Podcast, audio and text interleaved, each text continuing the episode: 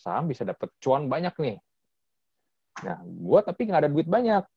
Gue minjem. Gue ngutang. Dan yang parahnya adalah ngutangnya, minjemnya sama pinjaman online. Nah, menurut lu gimana nih, bro? pinjaman online itu kan bunganya sadis ya. bisa satu persen, bisa satu persen sehari loh. Welcome to Talk to Talk Podcast. Let's talk now.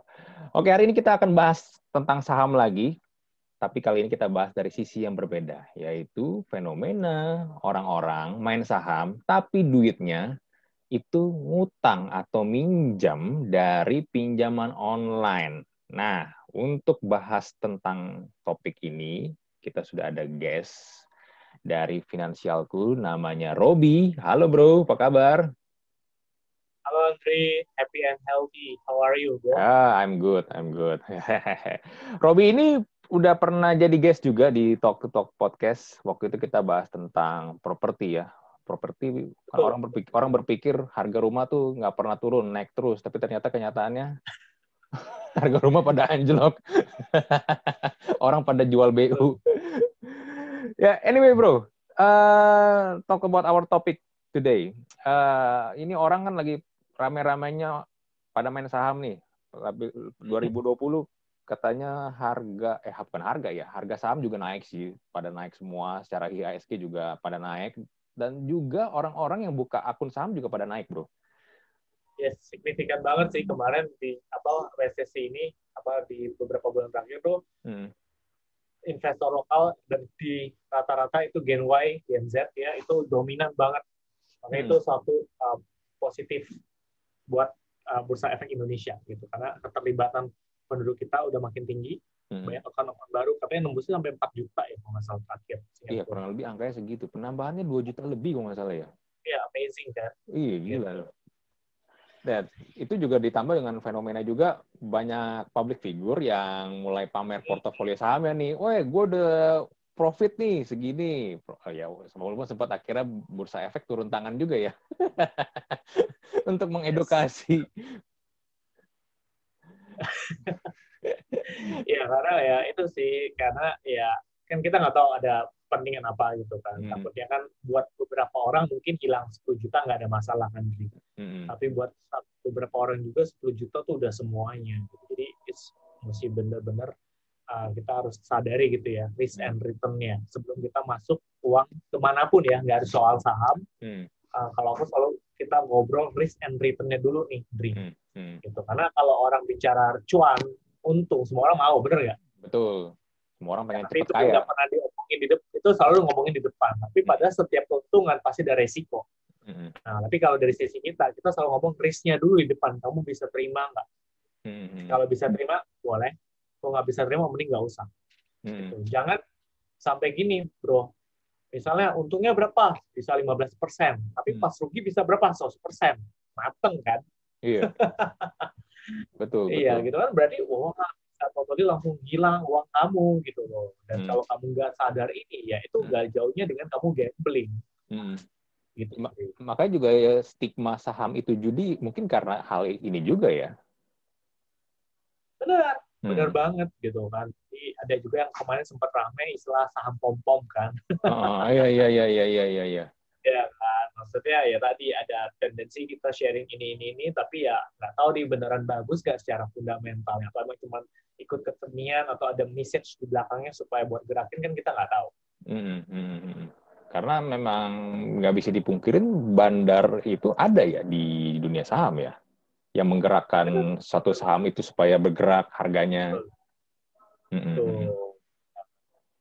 Nah, tapi gini bro, sekarang juga ada fenomenanya selain ya ini fenomena yang bagus lah ya, ini tren yang bagus ketika orang mulai pada aware sama saham. Tapi ternyata juga membuat banyak orang berpikir, wah saham bisa dapat cuan banyak nih.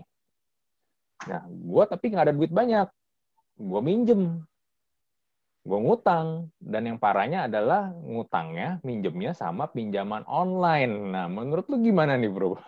pinjaman online itu kan bunganya sadis ya. bisa satu iya. persen, bisa satu persen sehari loh. Iya iya benar benar benar banget satu kalau utang kartu kredit mungkin masih mending ya 2,25 sebulan gitu. Iya. Ini satu persen per day gitu kan. Hmm. Nah, ini sih sebenarnya mungkin karena tadi uh, orang ikut hype aja, ya kan Gri. Jadi orang lihat teman-temannya pada pamer porto gitu kan lagi sharing semua, ya dia pikir gue masuk pun bisa cuan profit seperti temannya dia gitu hmm. tanpa didasari eh, hal-hal uh, yang emang dia harus tahu di awal soal ber, uh, soal hmm. invest di saham. Hmm. Gitu. Sekarang bayangin Gri, gue kasih analogi dulu aja deh. Hmm. Yang namanya trading kan nggak pasti, bisa naik, bisa turun. Betul. Kayak hari ini aja masih minus ya, udah hmm. hampir di ISG bawah 6.000, 5.700-an.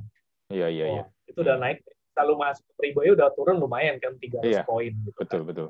Nah sedangkan yang ketidakpastian ini, lu lawan dengan sesuatu yang pasti. Satu pisah bunganya satu persen per hari. Hmm. Ya kan? Hmm. Atau misalnya ya kalau tuh kartu kredit misalnya anggap deh 2,25 persen atau 5 persen lah anggap deh maksimal sebulan. Hmm lu nggak pernah tahu kan berarti it's a very risky hmm. hmm. Sesuatu yang pasti lu lawan dengan yang tidak pasti hmm. kecuali malah mainnya gini lu misalnya masuk nih ini contoh aja lu hmm. bisa bayar bunga setiap bulan tiga persen hmm. tapi lu masuk instrumen yang misalnya sebulan menghasilkan lima persen Hmm. Berarti kan masih ada surplus dua persen dong. Betul. Fix dilawan dengan yang fix. Hmm. Itu baru relate. Tapi kalau ini kan satu yang fix, satu yang variabel. It's a very dangerous. Hmm. Apalagi pakai hutang, kecuali itu uang dingin ya, lu udah aman secara keuangan, secara hmm. dana darurat sudah aman, hmm. asuransi sudah oke, okay, cash flow juga udah surplus, ya kan.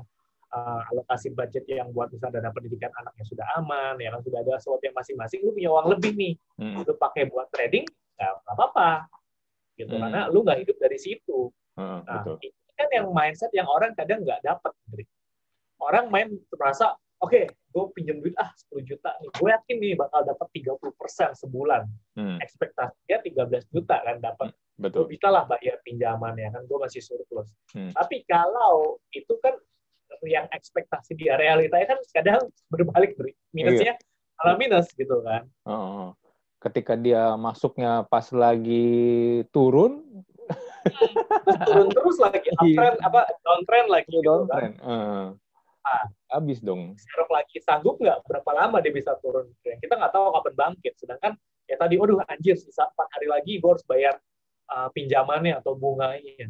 Hmm. Nggak kebayar. Iya iya iya iya. Ya tapi berarti gini bro, tadi kan lu bilang ada baiknya sumber dananya itu adalah hmm. duit nganggur, duit ini kan, duit dinginnya tadi lu yang lu bilang. Betul.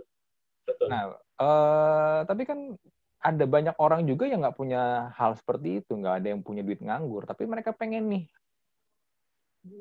itu terjun ke saham, itu gimana tuh? Nah, oke, okay. berarti kan kalau kayak gitu kan gini, lu waktu masuk ke saham tuh ada dua, ada yang lu mau sebagai investor, ada yang sebagai trader. Iya, betul. Uh. Investor ibaratnya ya udah lu beli yang emang lu tahu, misalnya sesimpel misalnya uh, gue pengguna, misalnya gue sebenarnya langsung Telkomsel, ya atau gue pakai misal makanan Indomie gitu kan gue eh, gue tahu tuh perusahaannya ada gitu kan hmm. ya udah lu nyicil aja tiap bulan uangnya ke situ karena ya udah lu melakukan aktivitas yang lain hmm. lu tahu nih perusahaan akan grow gitu kan hmm. ya kan beda dengan lu trading trading kan lu berarti berharap satu hari ini gue make money berapa hmm. beda lo ya feel pressure-nya beda hmm. karena lu harus makan hari ini buat dapat hari ini hmm. kalau investor buat long term ya udah lu invest, lu tinggal tidur, lu aktivitas nggak ada masalah. Karena lu tahu lu nggak akan butuh uangnya hari ini. Hmm. Dua hal berbeda. Hmm. Gitu. Cuman kadang nih uh, lucu juga. Kadang hmm. awalnya investor, hmm. profit dikit jadinya trader. ya kan, wih lumayan ya ternyata. Uh, uh. Udah, udah. Terus yang ini juga, yang awalnya trader nyangkut, akhirnya investor. Jadi oh. gue diemin dulu, gue ya kan makin hmm. makin turun makin turun ya hmm. akhirnya itu bias akhirnya Iya iya iya. Kemarin gue juga sempat ngobrol sama satu, satu orang juga. Uh, dia juga buka kok. Dia bentuk komunitas belajar saham juga. Dia juga ada mention tentang hal ini. Nih. Ternyata banyak banget orang-orang kayak begitu ya, yang nggak bisa menerima kenyataan. Ketika dia ya. mau trading, kalah nih. Ah yaudahlah, gue nginvest aja lah. Padahal sebenarnya itu sangat-sangat salah kata dia. Harusnya memang ya. kalau lu memposisikan diri lu sebagai trader, ya lu ada yang namanya cut loss kan? Iya, cut loss. Nah, rugi gitu, udah gitu loh, tapi jangan lu diem lu jadi itu betul. Kalau iya. enggak lu aja lebih hancur kan. Iya, gitu. iya, iya, iya. Tapi gini bro, ini kan saham ini kan hmm. trik gimana ya? Gue tetap bisa bilang ini adalah suatu hal yang tricky sih. Apalagi kalau lu nggak nggak paham ya, lu baru masuk dan lu baru ikut-ikutan. Cuman kan kalau ngomong tentang edukasi nih, ya. edukasi itu kan gimana ya? Orang Indonesia itu kan apalagi kalau ngomongin duit ya, dapat duit cepat itu kan wah langsung tuh rame-rame diserbu tuh. Ya kan kayak contoh ya. ya contoh contoh ini deh, contoh bidang lain kayak podcast. Podcast kan kemarin 2020 rame banget tuh. Wah, orang rame-rame bikin podcast, tapi ternyata dapat duitnya susah. Dan akhirnya baru bikin berapa episode udah keluar, oh ternyata susah ya. Nah, ini ya. bedanya gini, kalau podcast itu kan entry barrier-nya kan boleh dibilang kecil lah, hampir nggak ada lah. Orang-orang orang mau bikin orang mau bikin gampang lah. Tapi kan uh, kerugiannya bisa dibilang juga lebih minim ya kan karena modalnya kecil. Kayak gua sekarang pun gua nggak perlu invest ke alat yang gimana-gimana untuk sekarang ini ya. misalnya. Tapi kan kalau saham, bro, tetap aja lo harus keluar duit lumayan kan. Betul. Nah ini untuk edukasinya ini nih, ini kita kalau mau nyari ke mana nih? At least buat yeah. ini dah, buat orang-orang yang benar-benar masih mau baru belajar dulu deh gitu. Karena kan uh, it's a, mungkin buat banyak orang it's it's a new new thing gitu loh. Ya, yeah, oke. Okay. Sebenarnya gue kalau di finansialku ya, maksudnya kita kan tadi bertahap. Hmm. Kalau orang yang misalnya selama ini dari orang tuanya tahu cuma nabung deposito, hmm. kalau tiba-tiba langsung ke saham, kan kayak gapnya jauh banget tuh. Yeah. Dari yang benar-benar konservatif, tiba-tiba langsung yang agresif. Hmm. Ya kan? Totally different. Jadi kita selalu mengedukasi step by step, baby stepnya. Mungkin nggak langsung nih, nggak langsung ke saham. Misalnya lu pelajarin dulu aja obligasi, ya atau mungkin reksadana. Ya kan kalau lu nggak hmm. punya waktunya, lu perlu orang lain yang manage uang lu, ya lu pakai aja reksadana. Hmm. Yang ada ada macam-macam ada reksadana pasar uang, eh, campuran, pendapatan tetap ataupun reksadana saham. Ya kan sebenarnya itu kembali lagi ke lu juga. Gitu. Lu mau belajar apa enggak? Hmm. Karena tadi orang Indonesia mindsetnya maunya cuan dulu. Hmm. Ya kan nyebur dulu nih baru berenang ya kan ada sih ada plus minus ada plus minus ada orang hmm. juga yang sudah prepare dulu baru mulai. Yeah. Ada nggak ada yang salah itu kan hmm. tiap apa tipe learning orang beda-beda hmm. gitu. Cuman ya kalau aku bilang ya awalnya tentu aja uangnya berapa. Jangan sepenuhnya ya kan ibaratnya jangan terlalu taruh semua uang invest lu di satu tempat. Hmm ya itu kan kita bicara manajemen resiko benar nggak hmm. gitu makanya that's why uh, buat pemula kalaupun mau coba saham coba perusahaan-perusahaan yang misalnya LQ45 ya kan yang emang udah uh, oke okay, ya kan perusahaan-perusahaan yang emang atau nggak sesimpel yang perusahaannya emang lu yakin gue bisa tadi gue makan Indomie ya kan gue beli uh, misalnya tadi provider gue apa ya kan hmm, hmm. Ya, seperti itu aja yang lu pasti nih misalnya lu naik mobilnya perusahaannya beli dari mana gitu kan ya lu yakin nih secara bisnis sih akan long term di Indonesia hmm. gitu jadi lu di situ belajar sambil lu mungkin belajar soal uh, laporan keuangannya seperti apa ya kan terus juga mungkin kalaupun mau belajar fundamental gimana teknikal seperti apa ya bertahap aja dulu hmm. gitu hmm, hmm, hmm. tadi orang Indonesia kadang banyaknya malas belajar maunya praktis cash contoh gini Tri lu beli gadget hmm. ya, ada buku manual kan Lu yeah. baca nggak? Ya juga. Ya, gue juga nggak baca. Gue juga cuman kita. Gue juga baca. Ya, tapi kan kadang ada beberapa yang sebenarnya yang kadang, hmm. kok kenapa nih handphone sebenarnya jawabannya ada di buku manual itu kan. Iya. Yeah. Uh. Kan kadang kita nggak mau baca aja. Sebenarnya itu semua ada di situ. Troubleshootingnya segala macam. Hmm. Seperti itu. Hmm, hmm, hmm, hmm. Jadi memang intinya mau nggak mau memang harus mempelajari dulu ya nggak bisa langsung, weh kita terjun nggak bisa tuh ya. Iya. Gitu. Tapi Soalnya tapi pemilihan kata juga gini sih. Itu Marina, hmm. ke kasino aja. iya iya. jadi iya. atau jadi raga kan gitu. Betul. Cuma fifty kan. Hmm, hmm. Kalau nggak lo untung ya kak, kalau nggak untung ya rugi. Iya Tapi mungkin ini kali ya. Uh, pemilihan katanya juga gue bilang sih emang udah dari awal salah sih bro. Soalnya ngomongnya main. Oh, oh iya, bukan invest ya. Main saham ya. kan. Kalau kalau main gue pikir pikiran orang secara bawah sadar main ya gue kayak lagi main FIFA gue kayak lagi iya. main apa winning level iya ya, sometimes you win sometimes you lose kan iya iya ya udah penting tulus kan betul iya jadinya menurut gue pemilihan katanya juga udah salah sih harusnya jangan kata main saham ya invest di saham gitu kan? iya. kan? atau trading saham ya trading misalnya saham. kalau trading gitu ya hmm. kalau main kan ya tadi ya for fun kan hmm. hmm. kayak main judi kan bro kan nggak ada bener dong main judi main saham bener kan? Iya. Nggak ada gitu. bedanya nggak ada bedanya lu main togel jadinya. Iya. tebak-tebak angka. Asio, asio, asio. iya iya. Kan sama juga tebak-tebak angka kan. Oh gue mau masuk di angka berapa nih? Harga berapa nih? Tuhannya turun itu doang ya. Tuhannya iya. turun iya iya iya iya, iya. tapi, tapi gini bro juga ini ada tren lain juga nih selain tadi orang pada minjem duit atau ngutang untuk main saham atau main invest atau trading di saham uh, mulai banyak bermunculan juga public public figure yang baru ya, gue bisa bilang baru orang-orang baru yang ini nih mulai kasih edukasi saham, dia orang-orang ini mulai buka-buka kelas, buka seminar. Gue nggak tahu sih mereka tuh seberapa kredibel gitu loh, karena uh, ya kalau yang gue lihat nama-nama ini, ya jujur sih gue nggak kenal sih. Mungkin bedanya kalau kayak lu kan, lu memang ada institusinya gitu dan institusi lu memang juga ya. resmi ya kan, lu juga di apa ada license-nya dari bursa efek juga kan. Cuman mereka ini gimana bro ya? Uh, menurut tuh apakah mereka ini benar-benar emang kompeten atau gimana nih? Karena takutnya kan kalau mereka bisa narik follower banyak dan ternyata yang mereka ajarin caranya salah, banyak yang rugi, kan nggak bagus juga kan untuk ke depannya. Ya sebenarnya itu itu itu hak ya semua orang kan boleh berbagi hmm. di era digital ini lu cuma modal handphone tuh lu bisa sharing what have you done gitu apa yang hmm. lu lakukan ya, hmm. cuman itu kita nggak bisa kontrol ya itu hmm. kembali lagi ke kitanya kita kan punya nih di zaman semua akses informasi ada lu bisa hmm. akses dari mana pun ya tapi kan nanti tinggal disesuaikan aja dengan preferensi hmm. ya kan tidak semua orang akan cocok dengan si A tapi mungkin cocok dengan si B hmm. iya uh, kita juga harus lebih smart juga gitu kira-kira lu bisa terima nggak dengan konsep media hmm. kalau lu merasa secara analisa lu dan lu bisa terima resiko dia ya go ahead gitu. hmm. tapi kalau lu merasa emang oh kayaknya agak cukup ekstrim nih caranya nggak cocok di gue ya nggak usah gitu aja jadi balik lagi hmm. buyer kan kita as a buyer aja gitu kan hmm. seller banyak di luar sana lu kayak ke pasar kan lu nawar nih nggak cocok ya lu pindah aja ke lapak sebelah sama aja hmm. jadi be a smart user aja sih hmm.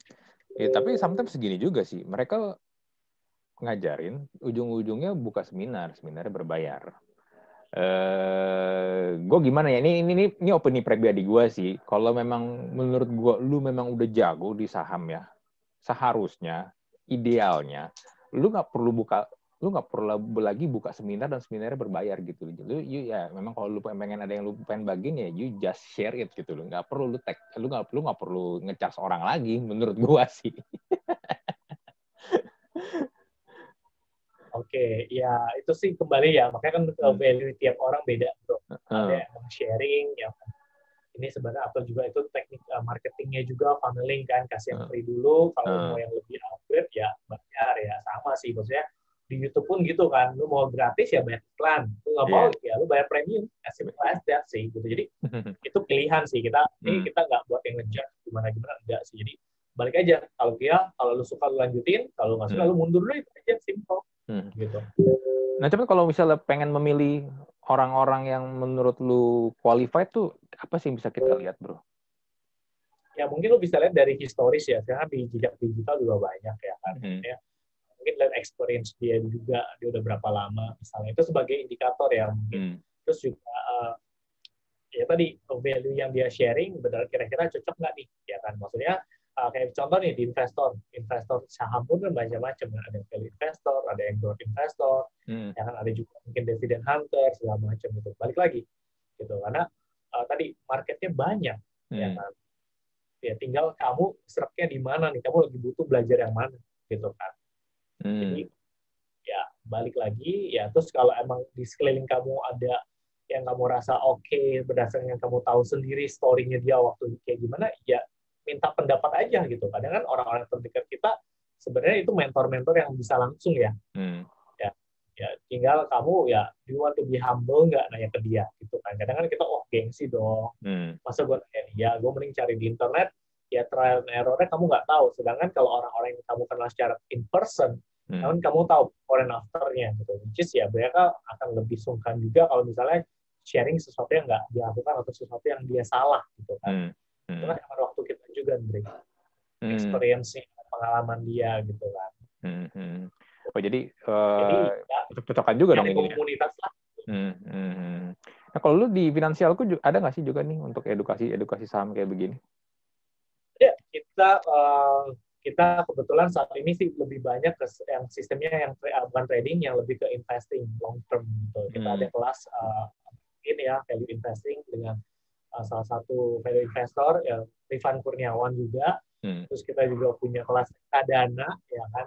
Ada juga uh, kelas bahas soal properti gitu. Jadi menyesuaikan hmm. tadi aku bilang hmm. investment is only a tools gitu kan, cuma hmm. kendaraan nih. Hmm. Ya kan tinggal lu punya tujuannya ke mana, pilih kendaraan yang tepat Hmm.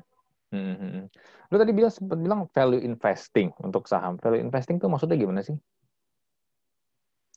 Value investing yang tadi, lu tahu perusahaan ini emang lagi perusahaan yang sehat dan bagus, tapi misalnya di harga lagi murah, hmm. itu lagi terkorek, hmm. Ya udah lu beli gitu. Nanti karena lu tahu nih suatu hari dia akan uh, istilahnya beggar ya, multi beggar, jadi bisa naik 100%, 200%, hmm. 300%, hmm. gitu.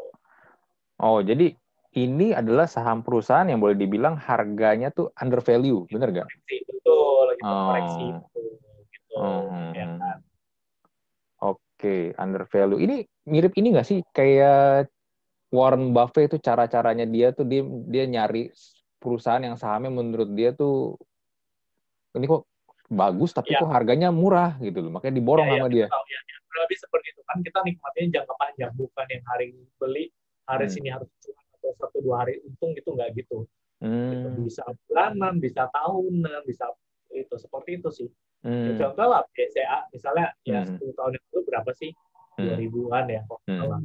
Sekarang udah berapa gitu kan. Maksudnya ya kan kita uh, nikmatin aja gitu, nggak harus pusing tiap hari un oh, merah hijau merah hijau kan stres ya. Hmm. Hmm. Gitu. Hmm. Oke, berarti ini cara ini adalah memang cara yang long term banget ya value investing ini ya. Tapi sangat-sangat memungkinkan banget buat orang yang memang nggak mau pusing dengan grafik oh, merah, hijau, merah. lain di luar uh, uh, gitu kan. You hmm. still have life kan. Mungkin hmm. kayak lu, lu masih fokus bikin konten ya. Hmm. Hmm. bikin eh, ya, event-event segala macam kan nggak mungkin kan lu tiap hari 8 jam liatin eh 6 jam trading kan pusing juga kan nggak iya. semua orang passionnya di situ, benar ya? Betul. Kalau gue ngeliatin terus, gue nggak bisa podcast jam segini nih. Ini jam kita lagi rekaman jam 11 siang nih, Pak. Market lagi running nih. ya. eh bro, ini juga ada lagi nih yang lain nih. Uh, selain trading saham kan ada juga namanya trading forex nih. Uh, hmm. nih lagi apa ya? Lagi sedang fenomenanya nih trading forex tapi pakai bot ya. Hmm. Nah, ini ini ini gimana sih maksudnya pakai bot tuh? Menurut tuh gimana sih? Ya sebenarnya mereka yang kayak ada robot yang apa punya AI ya artificial intelligence gimana hmm. dia bisa ada algoritmanya yang dia emang lihat pattern gitu. Jadi hmm. marketnya seperti apa dia akan melakukan eksekusi apa kalau marketnya turun dia akan seperti apa gitu sih. Ya itu emang lagi lagi ngetren sih lagi banyak juga kok hmm. ada teman-teman gue juga yang suka kadang sharing, wih hari ini profit sekian, thank you ya buat buat ini gitu. Ya nggak ada masalah sih ya, maksud gue kan ini balik lagi ke tiap orang, itu kan hmm. preferensi. Ya kan, lu punya uang, lu mau taruh di mana pun ya itu hak lu. Yang penting hmm. kan waktu kita tahu taruh, kita udah harus tahu risk and return-nya seperti apa. Kalau hmm. kamu bisa terima, ya go ahead. Kamu nggak bisa terima ya, ya mundur aja. Sesimpel itu sih. Hmm. Jadi gue nggak bisa komentarin gimana-gimana kan. Itu kan hmm. uang uang mereka, uang hmm. gue juga. Hmm. Tapi ini, gitu. ini bot ini memang legit ya, maksudnya juga di ini nggak sih diperbolehkan ya? Ya kalau robot sih banyak banget ya jenisnya ya kan. Hmm. Mungkin yang uh, gua nggak bisa ngomentarin secara uh, detail gitu, tapi ya lihat aja historisnya aja gitu kan. Misalnya dia sudah jalan berapa lama, terus hmm. rata-rata portnya gimana, ya kan. Terus juga mungkin lihat uh, brokernya juga udah berapa lama ya kan. Hmm. Seperti gitu ya kalau kamu bisa terima ya jalanin ya mungkin juga mau coba yang kecil-kecil dulu ya nggak apa-apa gitu kan ibaratnya hmm. di situ kan sambil lu belajar juga pengen tahu ya bisa juga gitu. hmm. Hmm. hmm, hmm. oh jadi ini kalau untuk trading bot nih juga baik kembali lagi ini pilihan lu juga nih semua kembali ke pilihan lu juga nih tapi kalau ya, kalau forex ini kayak modal lebih gede ya dibanding saham ya seribu dolar ya kayaknya ada yang mulai seribu dolar ya tau gue Hmm. Ya tergantung nih forex kan ada yang pakai robot, hmm. ada yang trading manual kan. Hmm. Misalnya lu sendiri yang execute itu balik lagi sih itu tiap broker kan punya uh, standar masing-masing. Ya sama kayak lo di sekuritas kan, hmm. buka saham ada yang minimal 10 juta, ada yang minimal 50 juta, ada yang berapa itu beda-beda. Hmm. Hmm. hmm, hmm. Oke, jadi ini ada lagi nih yang namanya trading forex nih dan ini sekarang pakai bot ini juga lagi ngetren nih ya. Gila nih kalau kalau dunia beginian nih memang kalau mau diekspor digali ini memang banyak banget ya. Yes, benar. Itu sih emang lu nanti kalau emang mau itu ya bisa lah gue undang temen gue yang lebih expert di bidang forex sih hmm. mau hmm, hmm, hmm. Iya, dan juga waktu itu pernah ada yang nanya sama gue juga, kalau kita misalnya mau beli sahamnya, tapi bukan saham di Indonesia, tapi saham-saham perusahaan di luar, misalnya kayak mau beli saham Apple, saham Tesla misalnya, itu gimana cara? Gue juga, gue juga nggak tahu sih gimana caranya kalau mau beli, kalau beli yang di luar punya. Tapi itu memungkinkan nggak sih? Memungkinkan kok ada platform-platform yang memungkinkan kita bisa beli saham di luar. Oh gitu. Tapi di Indonesia ada, bisa? Ada, ada, ada, ada. Ada hmm. reksadana yang isinya saham-saham luar pun juga ada. Gitu. Tapi sekali masuk minimal sepuluh ribu US gitu. Kan. Oh oke, okay. modalnya gede banget ya, berarti ya. ya. Betul, karena harga sahamnya kan udah mahal. Oh. Satu sekarang Tesla aja berapa? Satu saham lembar ya kan? Iya iya. Misalnya iya. Apple udah berapa? Nggak mungkin cuma seratus ribu gitu kan. Kalau kita reksadana seratus ribu masih bisa iya iya iya iya iya. Oke bro. Uh, berarti ini gini kalau gue kalau mau gue simpulkan nih ya berarti kita kalau trading itu main nggak jangan pakai kata main lah ya. Mau investasi atau trading saham itu usahakan jangan ngutang atau minjem lah ya. Walaupun Bener banget. walaupun mungkin kalau kita lihat hitung-hitungan wah kalau saham nih bisa untung sebulan 50% atau 60% tapi kan nggak pasti ya yes betul banget. Benar banget gitu. Jadi lu jangan uh, kita di gambling kan jatuhnya. Lu hmm. fix lawan yang nggak fix which uh, totally gila banget sih. Hmm, hmm. tapi ada nih orang-orang yang masih bermain kayak gini dan rugi nih. Ada nggak sih atau mereka ada di beberapa aja kok yang masuk uh, DM di finansialku konsultan hmm. konsultasi kak ini gimana ya uang saya nyangkut di sini uh, padahal saya buat berharap seperti ini padahal ini uang misalnya buat dana pendidikan anaknya hmm. jangan aku sampai misalnya dana daruratnya kepake ya kan hmm.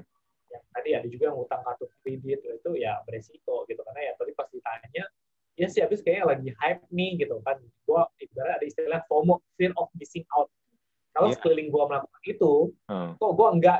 Jadi hmm. gue malah takut yang gue berbeda. Akhirnya gue coba. Hmm. Nah, tapi kan waktu dia masuk dengan orang lain itu masuk kan mungkin timingnya beda bro, momentumnya beda. Iya. Ya. Akhirnya pasti beda juga. Hmm. Timingnya masuknya awal Januari, terus nggak lama marketnya koreksi, iya. turun semua, turun semua. Ya dari di portofolio itu yang dia sudah masuk di misalnya uh, uh, apa di 2020 misalnya hmm. kan, di kuartal hmm. tiga misalnya kan kita nggak tahu kan hmm. Hmm. hmm. Waduh, berarti ini belajarnya nih bener-bener harus ini banget ya. Kalau nggak bakal rugi banget ya. Ya. Hmm. Itu invest waktu kamu, invest ilmu kamu ya. Karena kalau nggak SPP bayarnya kerugian itu bener nggak? Hmm. Mau belajarnya kan rupiah kan, mainnya rupiah, ruginya rupiah. Hmm. Gitu. Hmm. Berarti ini kalau misalnya ada yang mau belajar saham juga nih uh, dari finansialku, berarti uh, gimana nih?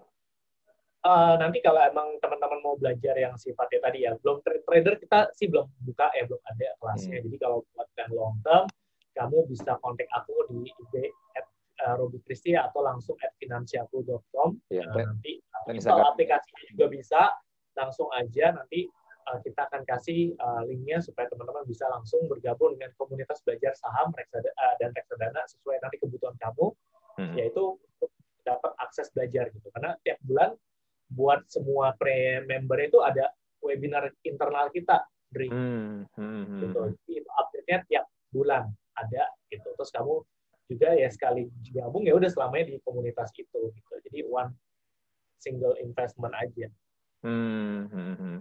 Jadi juga ini ya saling membantu juga ya karena bentuknya komunitas ya, saling support ya. Benar, benar, hmm. benar, benar. Kita hmm. bisa sama-sama yang baru belajar, bisa ngobrol juga gitu. Hmm. Makanya kita ada grup uh, dedicated di situ. Hmm, hmm, hmm. Ya ntar link Instagram Robi sama link Instagramnya Finansial gue gue taruh juga di kolom description, ya. tinggal diklik lah ya. Oke bro, thank you banget nih buat ngobrol-ngobrolnya nih. Uh, sukses selalu untuk lu dan juga finansialku dan juga ingat pesan Robi kalau mau trading atau invest saham janganlah berhutang atau minjem di pinjaman online. kalau nggak lu bakal rugi. Ya, yeah, thank you so much Andri buat yeah. uh, opportunity-nya buat bisa sharing ke teman-teman di sana juga.